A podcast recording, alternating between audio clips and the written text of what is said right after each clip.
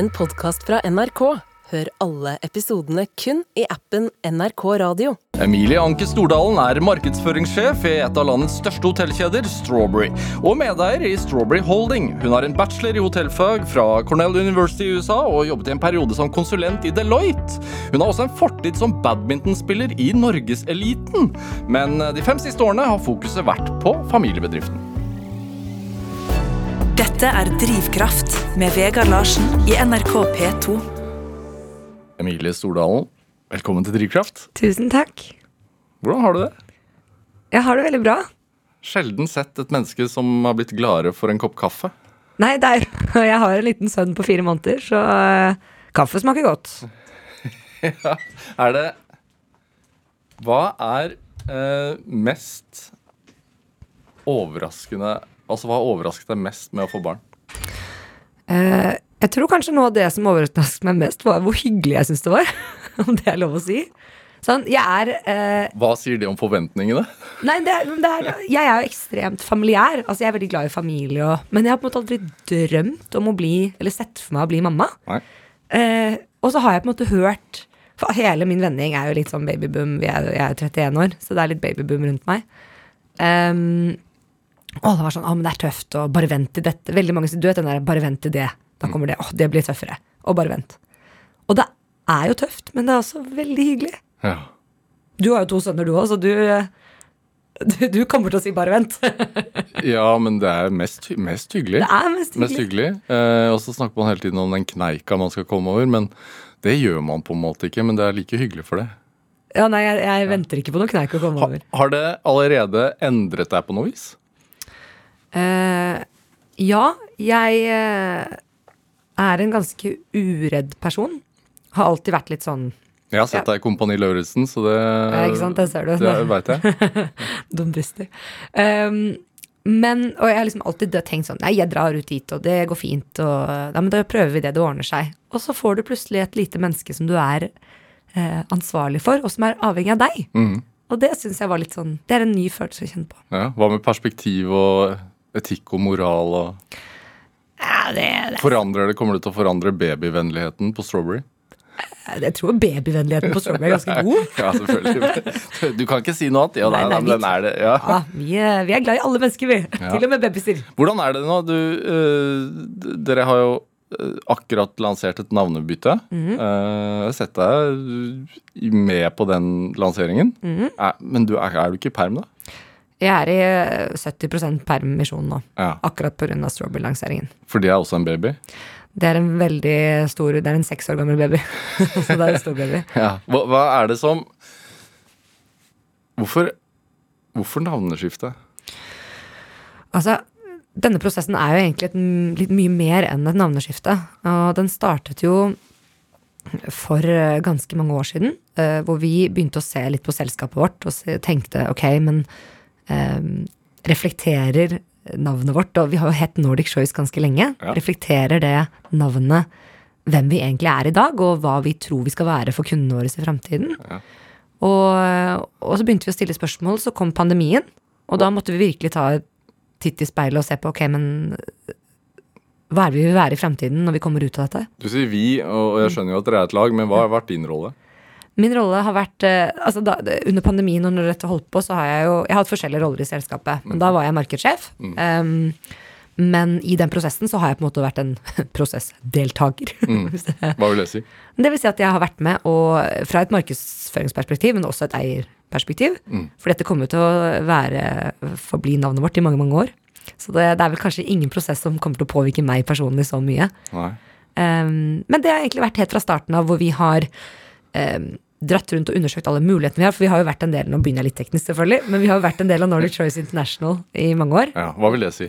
Det vil si at vi hadde en master franchise-avtale og lånte deres merkevarer, eh, selv om vi egentlig hadde egne merkevarer, med deres systemer, vært en del av deres bookingkanaler, litt sånn technicalities. Ja. Hvor stort er det international kontra Ja, det er svært. Det er en av verdens fem største hotellselskap. Ja. Så hele verden er egentlig, det er litt fun fact, eh, hele verden er jo egentlig, alle hotellene, veldig mange hotellene du bor på, er jo en del av større kjeder.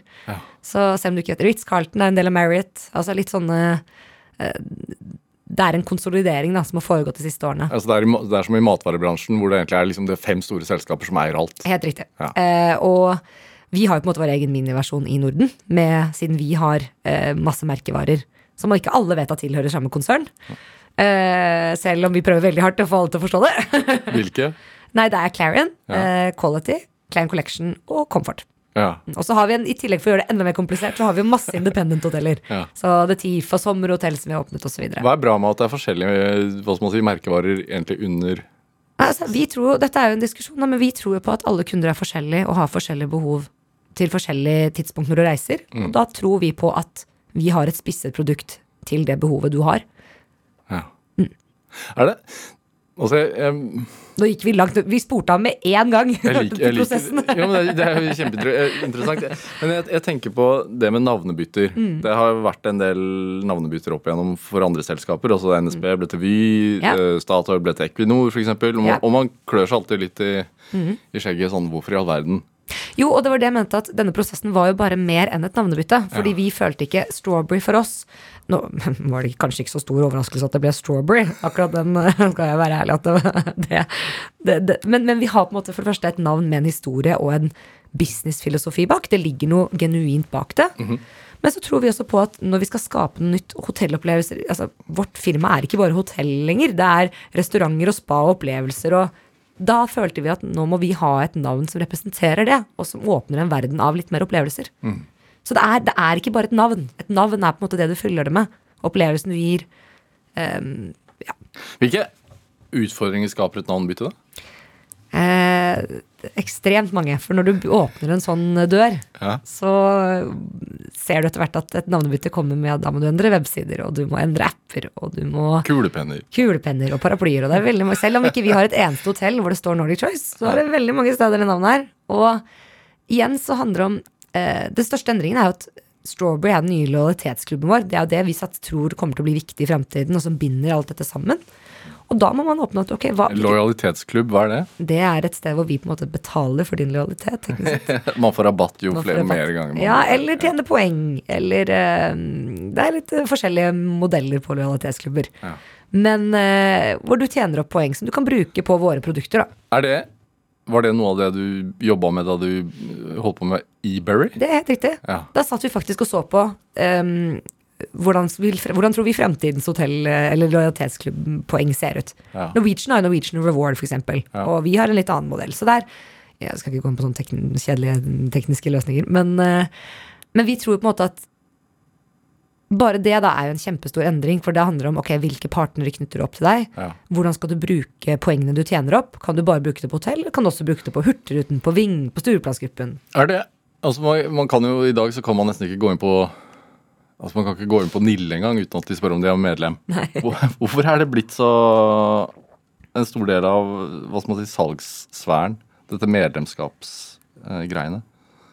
Jeg tror at det, det er jo sammensatt, men jeg tror nok um, kunders lojalitet vi ser jo at, eh, For det første ser vi at det er veldig lønnsomme kunder, de som kommer tilbake, de som kjenner oss. Ehm, vi ser at eh, vi får fram informasjonen vår bedre til de som er medlemmer. Fordi sånn du ser seg selv, Tenk hvor mange apper du har, tenk hvor mange medlemsklubber du er medlem av. Det er utrolig mye støy rundt der. Det er vanskelig å kommunisere til kunder.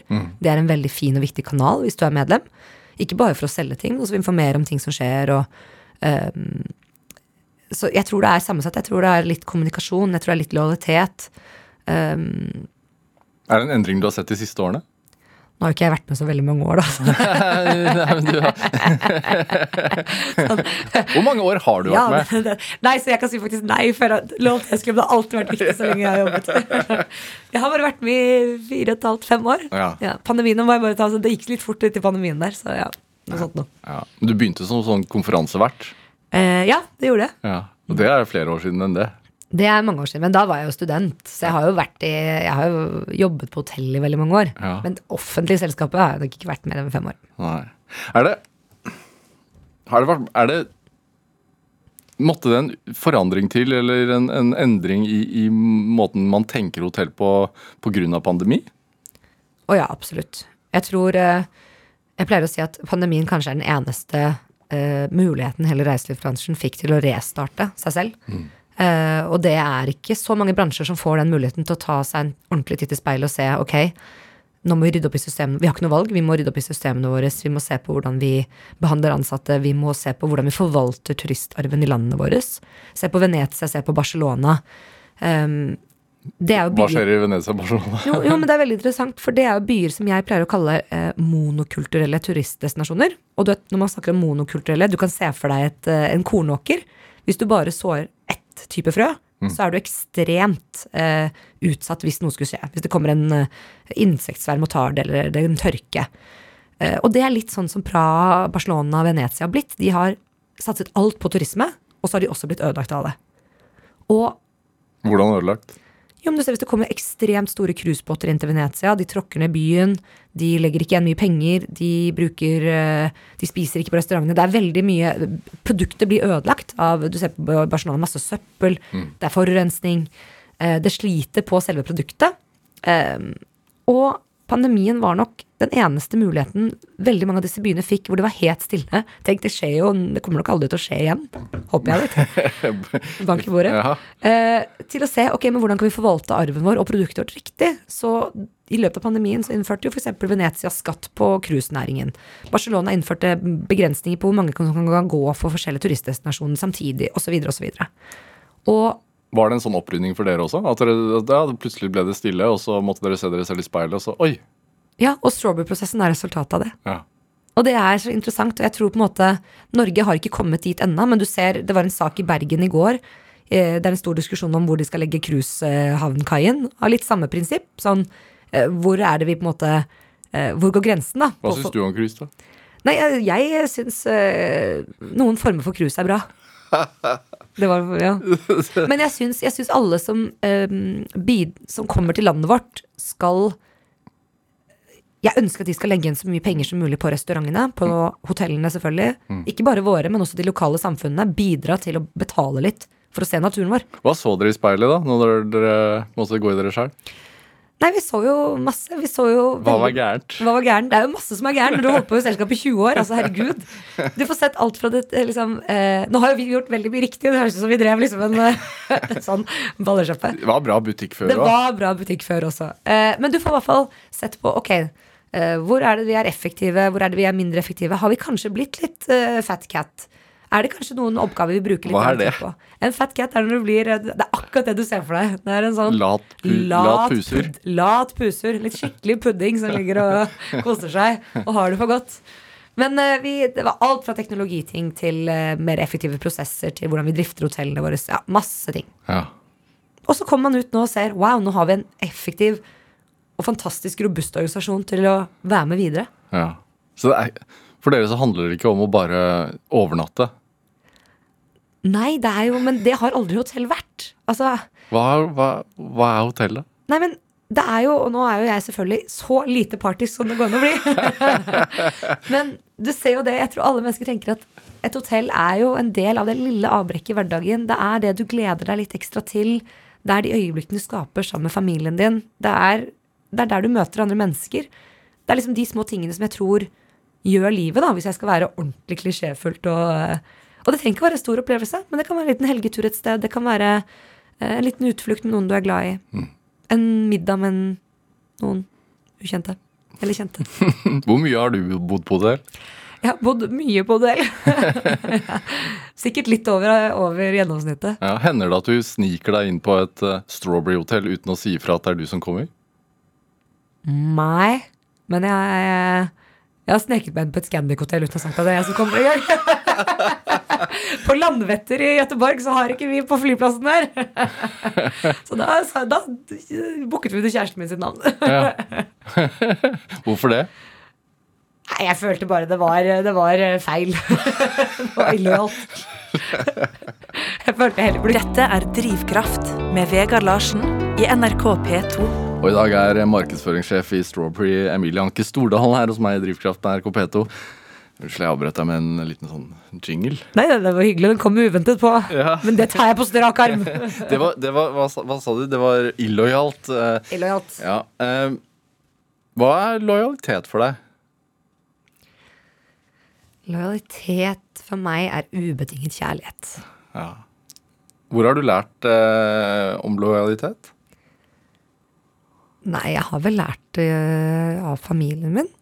Um, det er på en måte det veldig sånn filosofiske svaret. Mm. Og så har jeg et litt mer fjasete, og det er at jeg lærte i sorority mitt i USA.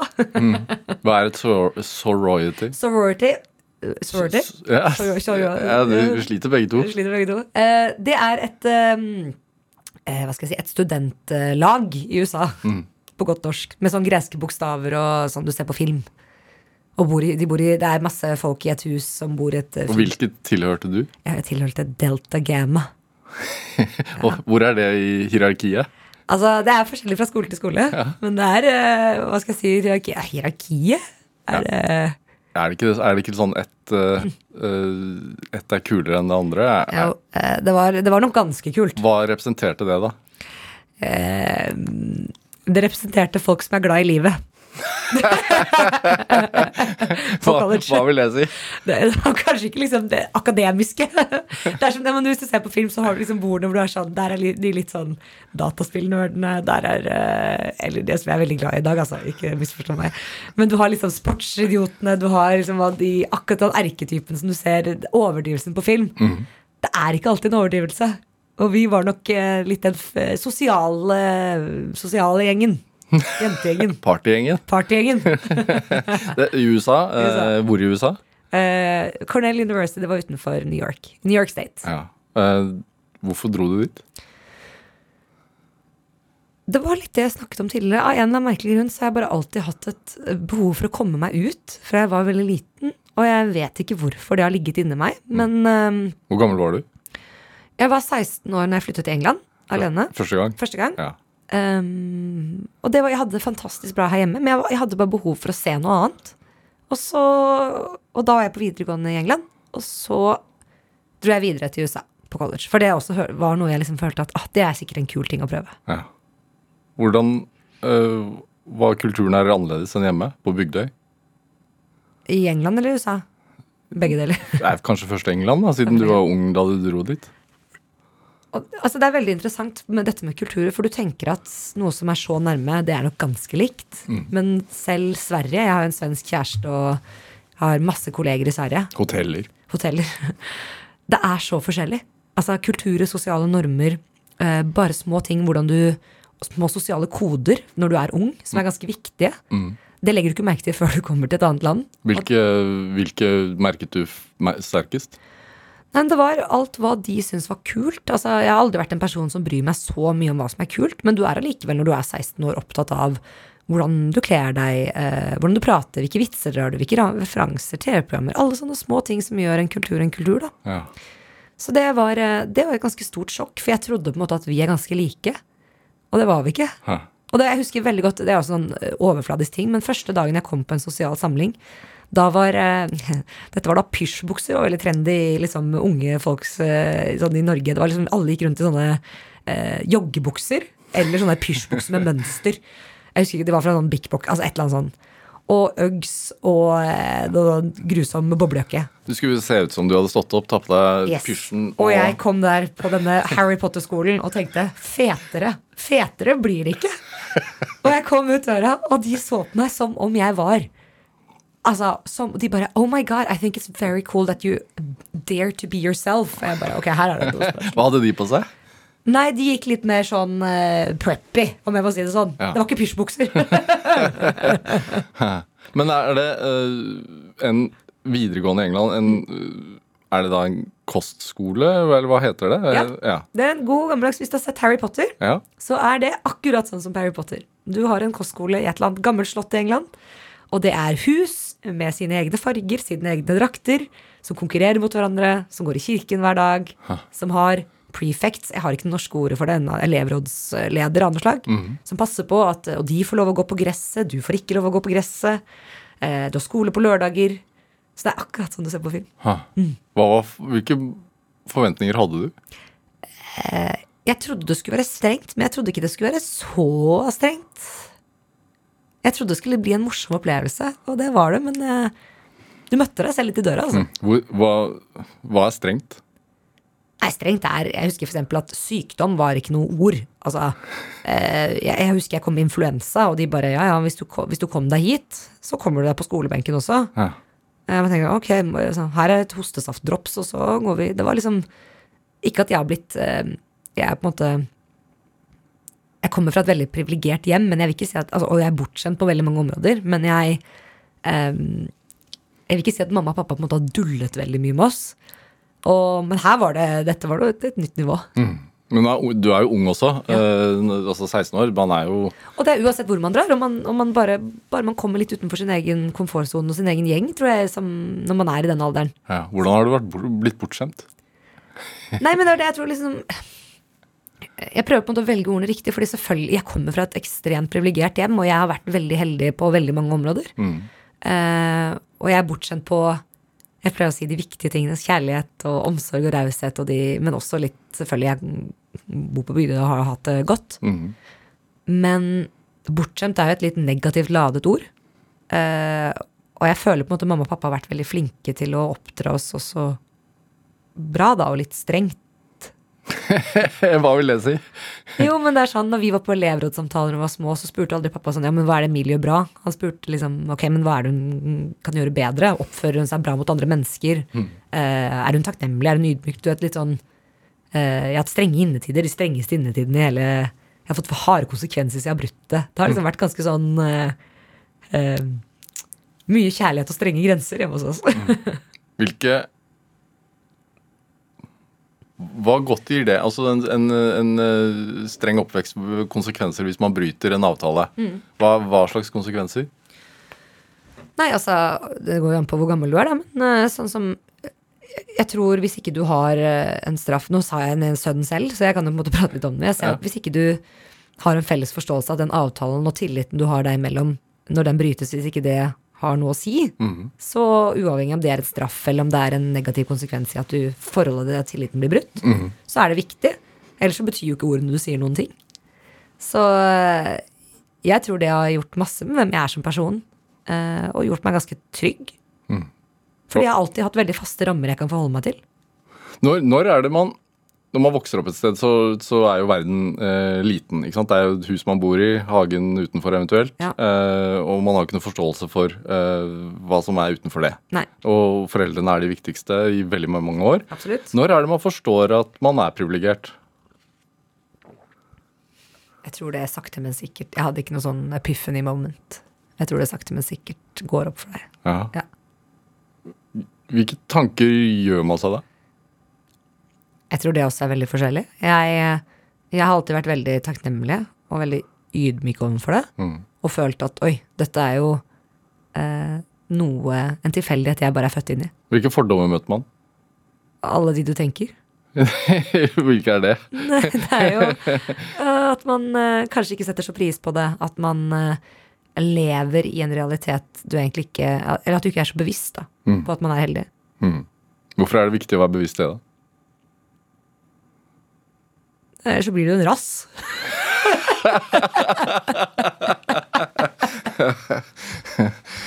Det har, vært, det har det ikke vært snakk om. Nei, altså Det hadde vært veldig synd. Nå håper jeg ikke Nå kan jo ikke jeg sitte og si her selv at jeg er ikke en, eh, jeg er ikke en dust. Men, men eh, det hadde vært veldig trist. Det med, um, jeg nevnte jo så vidt her at jeg hadde sett deg på Kompani Lauritzen. Ja. Um, og den uh, dama jeg så der, uh, har konkurranseinstinkt. Ja. Uh, har du alltid hatt det? Ja. Ja. Hvorfor det? Jeg tror det både er genetisk og arvelig. Ja. Hele familien min er veldig kompetitiv. Det er dessverre på godt og vondt. Altså Konkurranseinstinkt er jo bra, og så må du på en måte lære å håndtere det. Eh, men det kommer eh, Det kommer fra altså, Hele familien min konkurrerer smått i alt. Så for eksempel Nei, hvem som løper fortest, løfter tyngst, vinner i spill, eh, vinner i monopol, taper i monopol. Eh, det er, alt er litt konkurranse hele tiden. Ja. Mm. Hva er det? Og så er jeg omgitt av en familie med mye gutter og mye testosteron. Ja. Så jeg tror det også har eh, Det har ikke hjulpet da, på å temme konkurranseinstinktet. Så det eh, men, men du har konkurrert også. Mm. Eh, spilt badminton på høyt nivå. Eh, badminton, kjempeidrett. Altså en av ja, kanskje den nest største idretten i verden, leste jeg. ja, det er verdens største rekkesport, tror jeg. Ja. Jeg er ganske sikker på. Kjempestor i Sverige. Ja, det er Eh, Danmark. Og Danmark. Og i Kina enorm. Ja, hele Asia. Eh, hvilken standing har idretten i Norge? Eh, den er Jeg skulle ønske flere eh, hadde øynene opp for den, for det er jo en eh, nisjesport. Men det er så gøy, og det er så anvendelig, og det er så god trening. Alle kan gjøre det. Så det er, og det passer perfekt i Norge, for du må spille det inne. så det er jo, hvis, det er dårlig, hvis du er litt sånn, ikke er så glad i vær, så passer bra. Men jeg skulle ønske det var større, for det er veldig gøy. Hvorfor ble det din idrett? Helt tilfeldig. Det har vært en badmintonklubb på Bygdøy, så alle begynte å spille når de var i, på barneskolen. Og så syntes jeg det var gøy. Ja. Men så syns jeg også, og det også tror jeg igjen konkurranseinstinktet. Jeg tenkte veldig fort at her, dette er jo en liten idrett. Her kan jeg jo bli god fort. ja. Altså, det var et faktisk aspekt. ja, dessverre, da jeg var liten. Ja. Hva skal til for å bli god? Eh, jeg tror det er som alle andre idretter. Jeg tror de beste er de som jobber hardest. Huh. Hvor, Nå, Jeg hadde jeg litt talent, så jeg, kan, jeg, hadde, jeg hadde litt flaks også. Men eh, jeg, tror, jeg tror generelt de som blir best i noe, er de som jobber hardest. ja. hva, er de, hva er din største prestasjon? I badminton? Ja. Ok, nå En liten disclaimer. Altså, det høres ut som jeg liksom, jeg, ga meg jo da jeg var eh, 16 eller 17. Ja, men Du spilte jo U23 og Ja, ja, jeg, jeg, jeg har tre NM-gull fra da vi liksom var ja, ja, ja. Og jeg har eh, spilt på landslag og um, Så det er jo greit, da. Er, det, er det. kjempe, det er kjempebra. Det er kjempebra. hmm. er du, hvor, hvor flink er du til å rose deg selv? Jeg har blitt bedre. Mm, men jeg Det er ikke noe som kommer kjempenaturlig for meg. Men jeg vet ikke hvor, natur, hvor lett det kommer for mange. Jeg tror det er veldig mange som sliter med å rose seg selv. Mm. Er du flink til å rose deg selv? Nei. Nei. Og ikke flink til å ta imot ros heller. Nei. Men lærer man, man må, Når man driver med idrett på høyt nivå, som du har gjort, så må man jo lære seg å øh, omfavne suksessen også. Ja, men det er rart. Når du ser tilbake på det, så øh, Jeg husker det eneste jeg fokuserte på, var når jeg gjorde det dårlig. Og jeg kakket meg selv i, i leggen med racketen. Sånn hvis jeg gjorde det dårlig. Så jeg hadde sånne svære blåmerker. Så jeg har sånn fysisk sånn tegn på Og det bare representerte sånn Nå gjorde du det ikke ordentlig. For å liksom skjerpe meg, liksom slå meg tilbake til fokus. Ja. Så jeg husker mer det enn at jeg ga meg selv ros for når jeg gjorde det bra.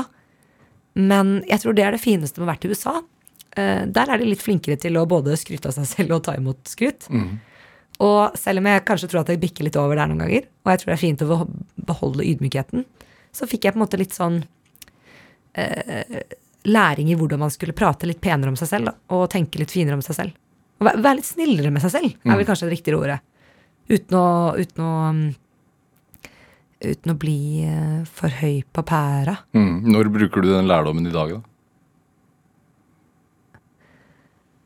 Jeg prøver jo på en måte når ting er litt tøft, eller jeg føler at noen går imot det, liksom prøve å fokusere på en rett mental innstilling, som pappa prater litt om. At eh, man må prøve å fokusere på de gode tingene, og ikke bare For jeg tror Nå er jeg veldig lett til sinns. Eh, Jeg har jo tatt sånn fem Tro det, eller ei, og årets lille fire.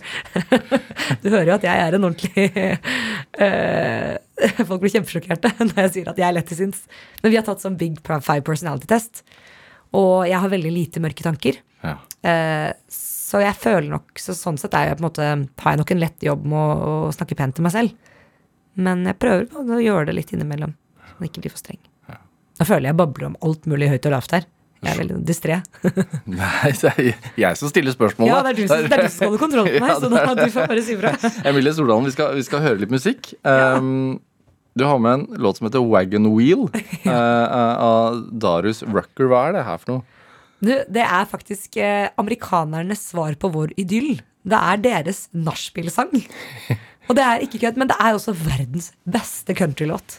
Ja. Når spilte dere den på øh, Delta Gamma. Gamma? Ja, det gjorde vi. Det er helt riktig. Eh, På en eller annen etterfest. Og så husker jeg hørte den, så var jeg sånn Jeg har aldri blitt så glad av å høre en sånn i hele mitt liv. Ja. Og jeg er veldig countryfan også. Så ja. Skal vi høre? ja.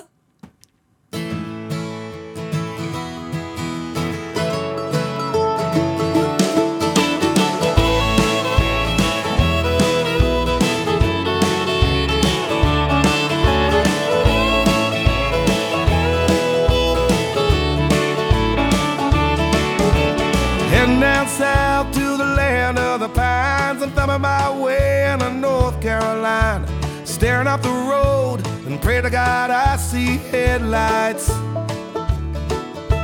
I made it down the coast in 17 hours, picking me a bouquet of dogwood flowers, and I'm hoping for Raleigh I can see my baby tonight. So rock me, mama, like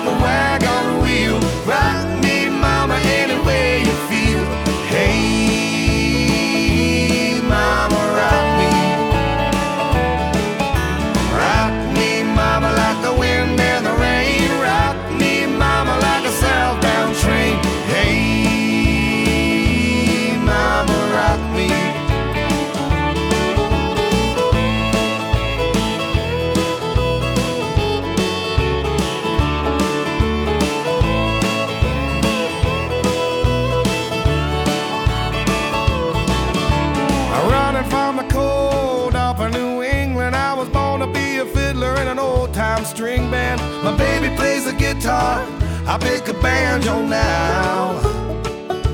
Oh, North Country winters keep a getting me down. Lost my money playing poker, so I had to leave town. But I ain't a turning back to living that old life no more.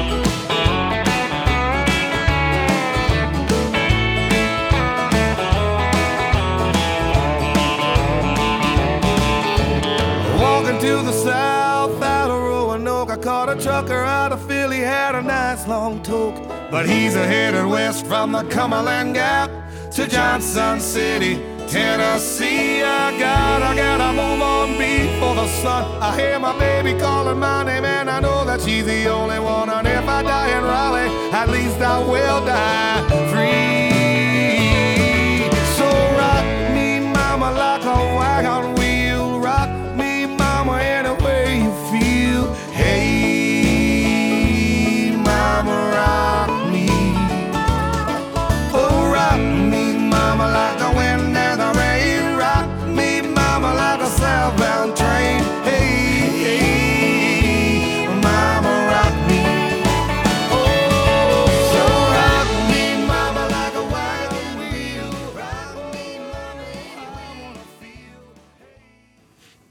Ja, du fikk eh, Wagon Wheel av eh, Darius Rucker her i Drivkraft på NRK P2. Valgt av dagens gjest eh, her i Drivkraft, nemlig markedsføringssjef i hotellkjeden Strawberry, Emilie Hanke Stordalen.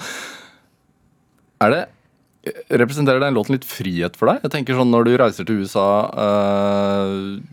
helt alene i den store verden Helt alene i store verden het jo så Nei, men også, du fortalte jo at du, har, at du har vokst opp i et hjem med, med ganske tydelige rammer eh, og regler eh, og forventninger. Og, og der er du helt alene.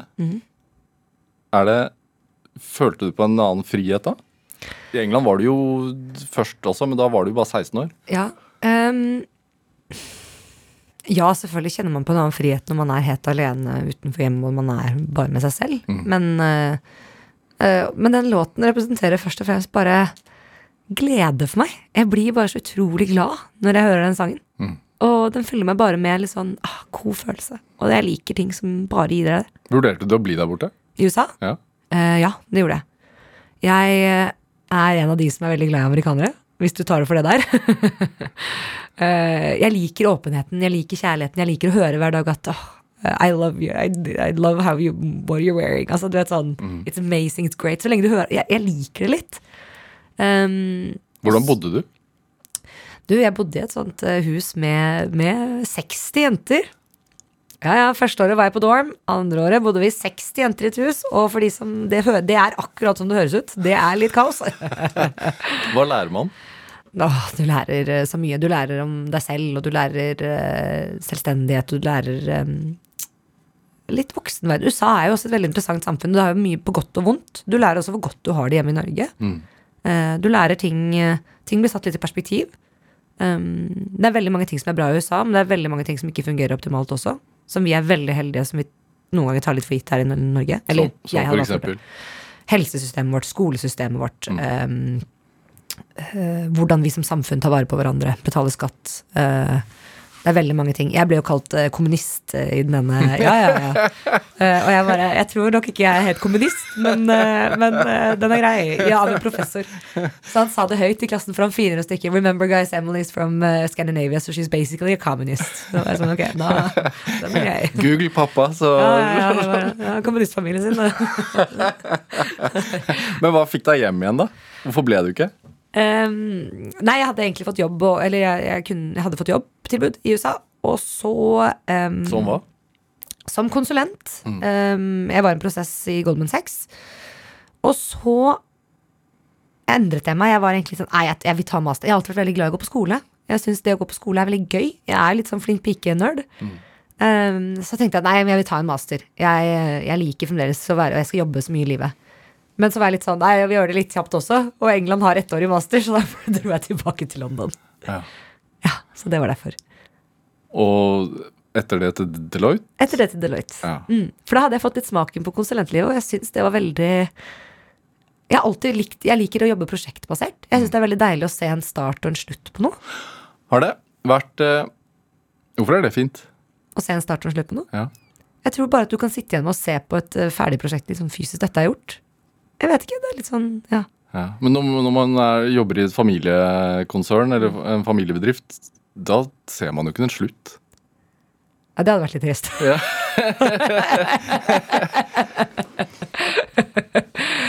Eh, nei, men inni det store familiekonsernet så er det masse småprosjekter hele tiden som man kan ta tak i. Strawberry er et uh, sånt prosjekt. Mm. Hvordan, på hvilken måte er Strawberry et, uh, en familiebedrift? Både fordi det er en familie som jobber i det, men også fordi jeg genuint er så glad i alle menneskene som jobber der. Jeg fant kjæresten min der. Mine beste venner er i det selskapet. Eh, jobben og privatlivet går helt i ett for oss. Så jeg tror nok det er noe som karakteriserer en familiebedrift. Ja. Ganske klart. Det er ikke noe Hva vil det si? At, Hos oss er det ingenting som heter helg eller ferie. På samme måte. Nei, men, og det høres litt brutalt ut, men det går jo andre veien òg. Det betyr at liksom, hverdagen vår er litt mer fleksibel. Altså, det på, men det er på en måte Vi kan sitte og prate jobb og prate ting. Og det er ikke sånn at alt er så veldig gøy hele tiden, men det er liksom noe spennende. Det, det, nå jobber begge brødrene mine i bedriften. Jeg jobber der, pappa jobber der. Mm. Og vi syns det er spennende. Og da blir det også en vanlig diskusjon på en helg eller en lørdag eller en ferie. ja. Har dere samme drivkraft? drivkraft? Jeg tror vi har forskjellige typer ting som driver oss. Ja. Eh, jeg kan ikke prate for de andre. Men det finnes en drivkraft i alle der, ja. Ja. Er det Har det vært en periode hvor, hvor du har tenkt at jeg skal ikke inn i det? Jeg skal gå min egen vei. Jeg skal løsrive meg. Eh. finne min egen sti. Finne min egen sti. Eh, ja, absolutt. Jeg var um, Jeg studerte jo hospitality på Cornell ikke fordi jeg visste at jeg skulle inn i bedriften, men nesten motsatt. At jeg var redd for at nå må jeg teste det, for å se om dette overhodet er noe for meg. Altså hotellfag. Hotellfag. Ja. Eh, jeg tror ikke at man kan gjøre noe virkelig, virkelig bra hvis ikke man er litt glad i det man gjør. Eh, jeg sier ikke at alt skal være gøy hele tiden, for det er ingen jobb som er gøy hele tiden. Men eh, hvis ikke du har en genuin interesse for det du driver med, så kommer det til å bli et slit. Og det er en av de store privilegiene jeg er født inn i, at jeg kan faktisk velge hva jeg har lyst til å drive med. Mm. Og jeg ville bli journalist en lang periode, jeg ville bli lærer, jeg har jobbet som konsulent. Um, jeg visste bare at jeg måtte jobbe med folk, for jeg er veldig glad i mennesker. Mm. Men eh, nei, så jeg var overhodet ikke sikker på at jeg skulle inn i reiseliv. Hva var det som tippa i favøren? da? Det var når jeg begynte i selskapet. Ja. For jeg visste at jeg, okay, jeg må teste det, for det ligger jo en fantastisk mulighet her. Og fatter'n er jo en smart selger, vet du. Han, han har aldri, han har aldri liksom Har han måttet selge det inn? Jo, men han har måte alltid vært veldig sånn Dere skal gjøre akkurat hva dere vil, men, men hotell er veldig gøy. Og, og, ja, ja, ja. Så, så og, og det var bare klisjéfullt nok når jeg begynte å jobbe til eBay første halvåret jeg var i Choice. tenkte jeg, ah, ok, ja, men det er, det er jeg hører hjemme. Det er et eller annet som bare klaffet inni meg. Hvor viktig har det vært at du har gått gradene? Altså fordi, som vi så vidt var inne på, så begynte du jo som konferansevert som 15-åring. eh, hvor man da henter inn frukt og kaffe, liksom. Frukt og kaffe og rydde møterom. Ja. Det var fun fact sånn jeg møtte kjæresten min også, så det kom jo noe godt ut av det. Som hvordan da? Jeg ryddet et konferanserom på The Thief, Ja. og så satt han og jobbet der. Så det, er, det kan komme noe godt ut av det. Det er viktig å gå gradene, for da kan du finne kjærligheten i livet ditt. Nei da, men det er viktig. Jeg tror det er viktig både for min egen del og for andre i selskapet, og også genuint fordi hvis ikke du har gått gradene, så vet du ikke hva bedriften din jobber med. Altså, det, blir, det er så tydelig med en gang du prater om noe du egentlig ikke kan, og faker det. Uh, og det er kleint når du sitter og skal late som du kan noe du egentlig ikke kan. Og da tror jeg det er viktig at man faktisk har vært der og sett hva, hva som foregår. Og det, det, og det, er, det er gjennomskuelig. Vi har fantastiske ansatte som jobber på hotellene våre. Dritflinke folk. Eh, ekstremt smarte mennesker som har jobbet dette lenge. Og hadde jeg sittet og snakket om ting, så hadde de sett med en gang at dette kan hun ingenting om. Hun vet ikke hva hun prater om. Mm. Og det, da kunne jeg ikke stått rakrygget og ja, jobbet i selskapet. Hva, hva har du gjort eh, Hva har du gjort altså for å lære deg det? Har, Har, altså, nå er jo, har du vært Jeg er ung, da. ja, ja, men har du, har du Altså, det konferansevert er én ting, men har du prøvd å være uh, i renhold? Har du prøvd å redde opp senger? Har du liksom gått Jeg har gjort alt. I USA så hadde, måtte du ha 800 timer hvert år arbeidserfaring for å få diplomet. Ja. Så da jobbet jeg jo i USA med altså, renhold, konferansevert, kokk. Altså, du er gjennom alle stedene, for det må du. Eh, og 800 timer, er, du, blir, du får prøvd deg, altså. Eh, og så har jeg Hvor hadde du mest talent? eh, definitivt ikke på kjøkkenet. Der eh, kom jeg til kort. Eh, Men hvor var det mest? Der hvor det er mennesker, er jeg god. Og så er jeg en god selger, jeg òg. Jeg kan prate meg inn og selge litt. eh, Jeg kan selge litt, jeg òg. Nei, og så har jeg vært eh, Jeg har jobbet i Ebury, og så var jeg, var jeg så heldig å kunne være med å åpne. Klein Hotel The Hub i Oslo. Som var kanskje den største læringen. Det lille hotellet nede Det ved bitte lille hotellet nede ved Oslo Ja. For der hadde jeg um, Det er som et lite FN. Hvis du har sett på White Lotus, Mhm. så er det akkurat som White Lotus. Jeg kunne jo ikke se første sesong av White Lotus, for det, det traff for close to home. Ja. Altså HBO-serien White Lotus som handler om hotell Altså en gruppe gjester på Ja. hotell, to sesonger. Ja. Nytt hotell som, hver gang. det er ingen som dør hos oss. Alltid noen som dør. Alltid noen som dør. Og det er det jo på hotellet også innimellom, men jo, men det, er, det, det er faktisk sant. Men, eh, men, eh, men eh, Hva gjør man da? Når noen dør på et hotell Ja. Nå tok denne samtalen en veldig brå venn. Du er ringer du, er politiet. du, du ga meg en lissepasning. Man ringer politiet. Ja. Ja.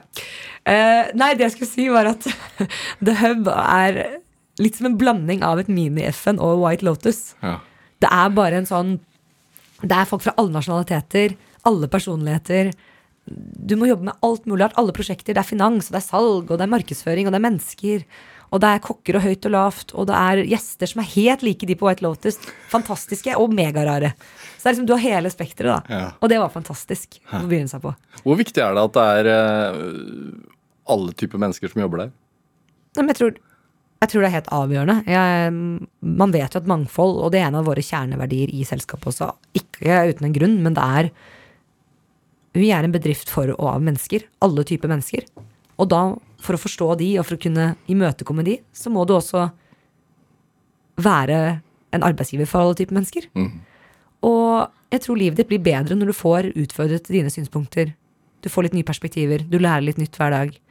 Så det er, eh, og der er virkelig det Hub et mini-FN. Vi har 250 forskjellige nasjonaliteter bare på det ene hotellet. Og det er ekstremt lærerikt og veldig sunt. Det var i hvert fall veldig sunt for meg å eh, få være en del av det. Jeg husker jeg Før åpningen så så jeg på sosiale medier. Da drev du og pusset lamper eller glass eller Ja, jeg gjorde alt mulig rart. Jeg snekra en bokhylle også, for det var, vi, vi, vi, vi pusha det litt hardt på åpningsdatoen. Det var litt, eh, det var litt tight. Så jeg, jeg sto til slutt og snekra en bokhylle, og den bokhyllen står den dag i dag, og det er et lite mirakel. Men er det, jeg, jeg tenker på det å ha gått gradene og kjenne det er, er, er smart eh, for å vite om man elsker det eller ikke. Mm.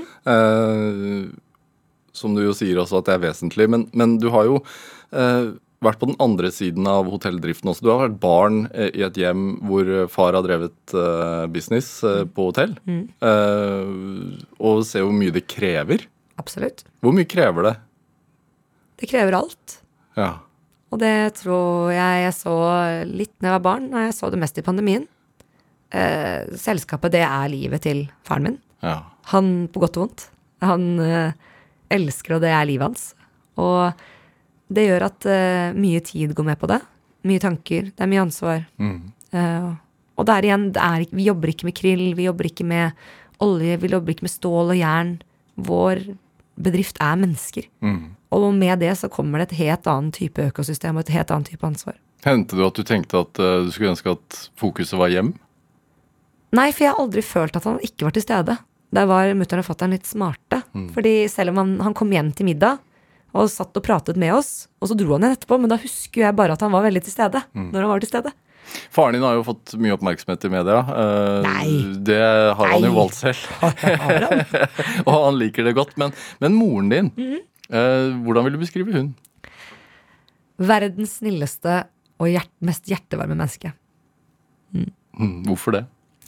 Hun er bare så utrolig uselvi, uselvisk. Er det, ja. Um, hun er så lojal og kjærlighetsfull og genuint snill. Hun vil ingen mennesker vondt. Uh, jeg, tror så, eller jeg tror ikke det er så mange mennesker som vil andre mennesker vondt, men som ikke Hun er, hun er ikke sjalu. Hun er, hun er bare veldig fin. Hva Var det hun som sto for oppdragelsen? Mest? Uh, ja, altså Jeg tror nok mamma og pappa hadde veldig likt verdigrunnlag i oppdragelsen. Så sånn sett vil jeg si at de begge to opprettholdt det sammen. Eh, Fattern var nok en liten strenge sånn som kom med konsekvensene hvis vi ikke hørte på mamma. Men det var jo absolutt mamma som var mest med oss når vi var små. Mm. For fattern drev et stort selskap, eller startet et stort selskap. Hva tenker hun om at eh, barna er involvert? da? Nei, hun er den typiske som nå må dere ikke jobbe for alt, og nå må vi komme på søndagslunsj, og vi må liksom passe på hverandre. og- Og hun har også vært den som har vært veldig pådriver på at nå må dere, hvis ikke dette er det dere vil, så er det viktig å finne på noe annet. Mm. Hvem ligner du mest på? Jeg er nok en god blanding, men eh, jeg har nok litt av eh, Jeg er nok ganske lik pappa. sånn. Det er noen energigreier her og litt eh, Jeg prater litt fort Ja, er det? Når man uh, går inn i et, uh, en familiebedrift, eh, er det et annet altså Fordi du har jo vært i Deloitte, f.eks. eksempel Uh, er det et annet, annet type press? Uh, mm, Ja, altså det er ikke generelt i familiebedrifter, men når du går inn i en så offentlig familiebedrift som vi er, så blir det nok et litt annet type press. Mm. På hvilken måte? Nei, jeg tror bare ting du gjør er mer synlig, eh, på godt og vondt. Ja. Eh, og som jeg snakket om litt tidligere, det blir veldig ehm, Det skinner veldig lett gjennom hvis du ikke er genuin, og hvis du ikke har lagt inn en innsats for å prøve å forstå det som foregår rundt deg. Blir, Og så tror jeg forventningene er Du blir på en måte sikkert alltid på en eller annen måte sammenlignet litt med han som har skapt Ja. alt sammen. hvordan er det? Jeg lever veldig godt med det, for jeg skal aldri være pappa. Det er veldig fint at det bare er én av han. Og det skal bare Det tror jeg holder i Norge også. det er eh, For det kan man aldri leve opp til. Jeg kommer aldri til å skape et helt eh, konsern med 18 000 ansatte og 226 hoteller. Sånn. Det aldri. Men det er ikke min oppgave heller. Hva er din, da? Hva blir din? Jeg håper jo å videreføre noe av verdiene som man har startet, da. For de er veldig fine. Om inkludering og kjærlighet og medmenneskelighet. Og jeg tror det også er viktig for framtidens selskaper. Å være med å bidra litt mer til samfunnet. Være en seriøs aktør som står, ta standpunkt og står litt tydelig for det man tror på. Ja. Det tror jeg er veldig viktig. En annen uh, stor norsk hotellkjede som nå gikk ut uh, at de ikke skulle uh, heise prideflaggene, f.eks. Mm. Hva tenker du da? Nei, altså nå sitter ikke jeg i konsernledelsen i eh, det Nå sitter jeg ikke i konsernledelsen i mitt eget selskap heller, for så vidt. Men så jeg skal ikke snakke om Nei, du er medeier av, Ja, av moderselskapet, da, så på et eller annet Ja. vis ja. Nei, men jeg syns, det det er Etter terrorhandlingen som skjedde i fjor i Oslo, så syns jeg det er utrolig viktig at vi heiser prideflagget høyt, og at vi enda tydeligere enn noen gang står opp for mangfold og kjærlighet og likeverd. Mm. Og det Jeg kan ikke se sønnen min i øynene i fremtiden og si at du kan ikke elske den du vil. Det hadde vært helt forferdelig. Eller være den du vil. Hva med de kundene eller gjestene som uh, uh, misliker det flagget, da? Da uh, får de fortsette å gjøre det. For vi heiser det enda høyere hvis de sier at de misliker det. Hvor viktig er det? Altså, det, er jo, det du sier, se, se sønnen din i øynene. Er det Har du begynt å tenke på det allerede? Sånn Det er jo eh, en kjempeklisjé. Det, det, Jeg er jo jo, en det, ja, det, er jo, det er jo en del av et familiekonsern, da. Jo, men jeg føler virkelig at, eh, at det er viktig. Han kommer til å vokse opp i en verden som er sånn som vi ser det nå. Det er masse uroligheter. Vi har krig i Europa, det er polariserende. Det er Um, mye usikkerhet. Uh, vi ser jo, blir jo påminnet hver dag, spesielt sånn som i fjor, på at det er viktig, viktigere enn noen gang å kjempe og prate høyt for de tingene man tror på. Og selvfølgelig er det viktigere når jeg også har fått et barn og ser at her er det en som skal vokse opp i en verden som jeg håper er bedre enn den jeg levde i. Tenker du over hvilken posisjon du har i forhold til det? Ja, men jeg er veldig ydmyk for det, for jeg eh, man tar, Når man tar litt plass, så håper jeg at man bruker den plassen til noe godt også. Har det noe kostnad? Ja, det har det. Man er jo ikke født som et skjold. Og mennesker er jo sosiale dyr, og eh, det snakket vi masse om i pandemien. Eh, hvorfor man tar Når man får negative medieoppslag mot seg, eller hvorfor når man får noe negativitet, så er jo det fordi mennesker er flokkdyr. Og man føler at man blir utstøtt av flokken når noe negativt skrives om deg, eller at man leser noe negativt. Og det er veldig interessant, for jeg tror veldig mange av de tingene vi frykter, kan spores tilbake til sånne veldig urmenneskelige instinkter. Eh, Så det koster, for man kjenner på det inni seg. Og da er da man må være litt tilbake til det vi snakket om, være flink til å prate bra om seg selv, eller være litt god mot seg selv, da. Bruker du noe coach? Eh, Jeg har gått til psykolog, ja. Ja. I mange år. Jeg er veldig glad i å prate, vet du, så jeg syns psykolog er helt topp. Det. Det er- bare en, det er noen som sa til en familie som sa at åh, kanskje jeg jeg tror- lurer på om det var broren min som sa nå må jeg snart tilbake til psykologen min. Jeg tror hun savner meg. Da tenkte jeg å herregud, nå er vi kommet, nå, nå har det gått for langt. Hva får man ut av det, da? Du får ryddet opp i hodet ditt, sortert tankene, eh, fått litt andre perspektiver. Igjen, da. Det å prate med litt andre mennesker og ikke sitte inne med følelsene sine, tror jeg er veldig bra. Ja. Men nå er jo jeg ekstravert og, og liker å Jeg løser jo mitt følelsesspekter ved å prate om ting. Og det, det er jo ikke alle som gjør. Men eh, du får ryddet i hodet. Ha. Går du til psykolog? Nei. Nei! Du slår meg ikke som typen heller. Um, Men du prater kanskje med så mange her at du får på en måte litt terapi her. ja, det er jeg som stiller Ja. spørsmålene, da. Ja, ja, men likevel, da. Så nei, kanskje jeg burde. Jeg vet ikke. Kanskje alle har godt av det for å få rydda opp. Eh, er det ble jeg satt ut.